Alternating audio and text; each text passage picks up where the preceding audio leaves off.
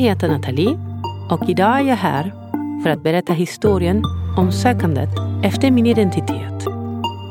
När människor som både står mig nära eller inte så nära får reda på att jag är adopterad och att en dokumentär har filmats sedan jag aktivt började söka efter mina rötter följer alltid en rad frågor. Jag har svarat på dessa frågor under många år nu. Så när vi avslutar inspelningen av dokumentären bestämde jag mig för att göra den här podden för att svara på var och en av dem. Varje avsnitt är ett svar på en fråga. Vilka vi egentligen är och vad vår sanna identitet är är frågor som människor har ställt sig själva sedan tidens begynnelse och fortfarande vet ingen riktigt vad som gör oss till dem vi är. Här berättar jag min historia, så som jag har upplevt den. Men snälla, kom ihåg. Detta är inte den enda sanningen. Det här är bara min sanning. Av det som du hör här idag, ta till dig det du vill och låt resten vara. Med detta sagt önskar jag dig ljus och kärlek och en underbar dag.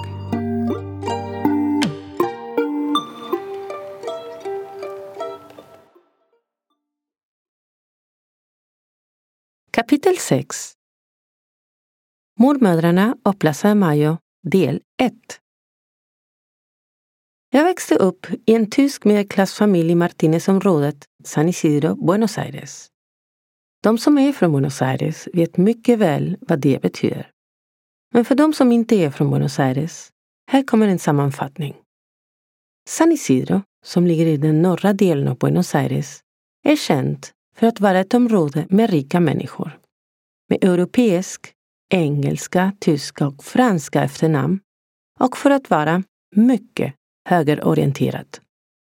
Detta är inte ovanligt eftersom högerpolitiken upprätthåller det system som ger de rika privilegier och främjar deras sociala och ekonomiska status. Självklart är detta en väldigt, väldigt stor generalisering. Men för att sammanfatta något väldigt komplicerat, låt oss säga att det är så. Jag växte då upp omgiven av höga människor. Och för att göra saken lite värre växer jag upp i Menem-eran. För de som inte vet vad detta betyder så hade Argentina en president från 1989 till 1999 som inte bara privatiserade hela landet utan också benådade många av de människor som hade dömts av den tidigare regeringen. Människor som var före detta medlemmar av den tidigare militärdiktaturen, befälhavare som dömdes i juntas rättegången från 1985. Menem var glömskans president och samhället där jag växte upp glömde gärna. Tack vare en ekonomi som på något sätt gjorde en dollar lika mycket värd som en argentinsk peso. Detta var såklart helt absurt och ledde till en ekonomisk kollaps år 2001 med traumatiska följder för hela landet. Det lilla som sades på familjesammankomster om de försvunna landade alltid i slutsatsen de måste ha gjort något. Om man inte var inblandad i det så kom de inte efter den. Mormödrarna på Plaza de Mayo var starkt fruktade. De såg som hemlystna troll som bara ville att mer blod skulle flöda. Och Evide Bonafini lyftes fram som representant för hela organisationen. Evide Bonafini var en av grundarna till organisationen och i sin aktivism förespråkade hon beväpnad konfrontation med regeringen, vilket inte gav en sann bild av det enormt viktiga arbetet mormödrarna gjorde och gör än idag. Det fanns ingen sorts förståelse, ingen medkänsla, ingen empati för de som sökte efter sina försvunna barn. De framställdes som galna kvinnor som letade efter sina terroristsöner och döttrar som hade fängslat som en lösning på den katastrof som de hade orsakat. Ingen pratade ens om de försvunna barnbarnen. De nämndes aldrig. återigen var argumentet att de måste ha gjort något. Det som rättfärdigade allt. I grund och botten, eller budskapet jag fick höra hemifrån, skulle man inte ha någonting att göra med mormödrarna. De ville jävlas och de sökte inte efter rättvisa. De ville bara ha blod och hämnd. Det bästa man kunde göra var att hålla huvudet lågt och gå obemärkt förbi. Kanske var det därför, när jag var en liten flicka, som min mamma brukade säga till mig. Om de frågar dig i skolan vem du ser mest lik ut av dina föräldrar, säg att du liknar din mamma, som är argentinsk. Saken var bara den att min mamma var dotter till österrikare och liknar i sin tur ett av von Trapp-barnen från filmen The Sound of Music. Det vill säga, hon såg inte alls argentinsk ut. Så jag växte upp som de där privilegierade medelklassflickorna från den norra delen av Buenos Aires och bryr mig inte så mycket om något av det här. Det var något som låg långt från min verklighet. Jag minns att min vän från skolan, som också var adopterad, brukade läsa böcker om diktaturen och till och med identifiera sig starkt med den. Hon sa det aldrig, men förmodligen trodde hon att hon var ett av de försvunna barnen. Jag var uttråkad av allt det där. Och innerst inne kände jag att hon ville vara speciell. Och det var därför hon ville tro att hon var en av de där tjejerna. För som jag sa tidigare, i det samhället jag växte upp fanns ett underliggande budskap som sa att dessa bebisar var speciella. Inte som resten av de adopterade, som bara var barn till fattiga. Det verkar löjligt för mig att prata om något vi inte visste något om och som det sades runt omkring mig. Det är bättre att se framåt. Och det var min inställning. Fram till den dagen då allt förändrades och jag förstod att det enda som återstod var att gå till mormödrar på Plaza Mayo. Det var inte lätt. Vem skulle jag träffa hos mormödrarna på Plaza Mayo? Var de de hemlystna troll som alla runt omkring mig pratade om? Eller var de hjältinnor som likt Don Quijote kämpade mot väderkvarnarna i ett samhälle som förlöjligade dem och ville glömma dem? Som jag redan berättat är Argentina ett land med så många gråzoner att det nästan är omöjligt att lita på någon. Det är svårt att gå emot ett system som tvingar människor att bara tänka på sin egen överlevnad.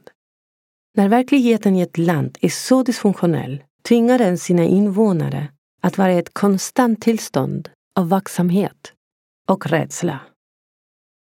Naturligtvis finns det inom det systemet människor som försöker förändra det verklighetstillstånd som omger dem. Och här och nu vill jag skicka mina varmaste hälsningar och säga att jag ser er och hyllar er. Den beundran jag hyser för er är oändlig. Så varför jag bestämde mig för att gå till mormödrarna har inte bara att göra med våldtäkten som jag överlevde den 7 augusti 2001, utan också med den svenska man jag träffade på äventyrsturistresan jag gjorde till Mendoza med min kusin. Jag ska spola tillbaka lite för att se om ni kan följa mig i den här historien. Den 7 augusti 2001 var en solig vinterdag i Buenos Aires. Det var en vacker, torr dag, vilket jag kunde känna i mitt hår eftersom det inte var den typiska katastrofen som Buenos Aires fukt genererar i mina lockar. Som jag nämnde tidigare var jag på väg hem från min yogainstruktörsklass. Medan jag passerade ett hus och blev distraherad av hur vacker solen reflekterades på de röda kronbladen på blommorna i trädgården närmade sig en ung man bakom mig. Han hotade mig att jag måste göra som han sa, annars skulle han döda mig. Först ville han råna mig, men jag hade inga pengar på mig. Sen tvingade han mig att gå med honom. Vi gick och gick och jag var så livrädd att jag inte försökte springa iväg eller skrika. Så småningom hittade han en avskild plats och jag visste vad som skulle hända. Våldtäkten gick snabbt och som många andra överlevare förhandlade jag för att han inte skulle slå mig. Väl medveten om hur frekventa kvinnomord är i Argentina. Ingenting för oss närmare livet än dödens närvaro. I det ögonblicket av total klarhet uppstod de två tankar som skulle följa mig under hela mitt liv, varav den första jag redan har pratat om. Är det här allt? Hela mitt liv har jag försökt göra allt alla vill av mig. Och nu ska jag dö. Och den andra, som omedvetet hade att göra med misstankarna om att vara dotter till de försvunna. Om jag dör nu kommer de aldrig att få veta vad som hände. De kommer aldrig att hitta mig. Men jag överlevde. Och ett par månader senare berättar min psykolog att naturen läker och att det var en väldigt bra idé att åka på en resa till Mendoza med min kusin Lili. Som livet kan vara så slog ödet till igen och jag träffade en svensk man på vandrarhemmet där vi bodde.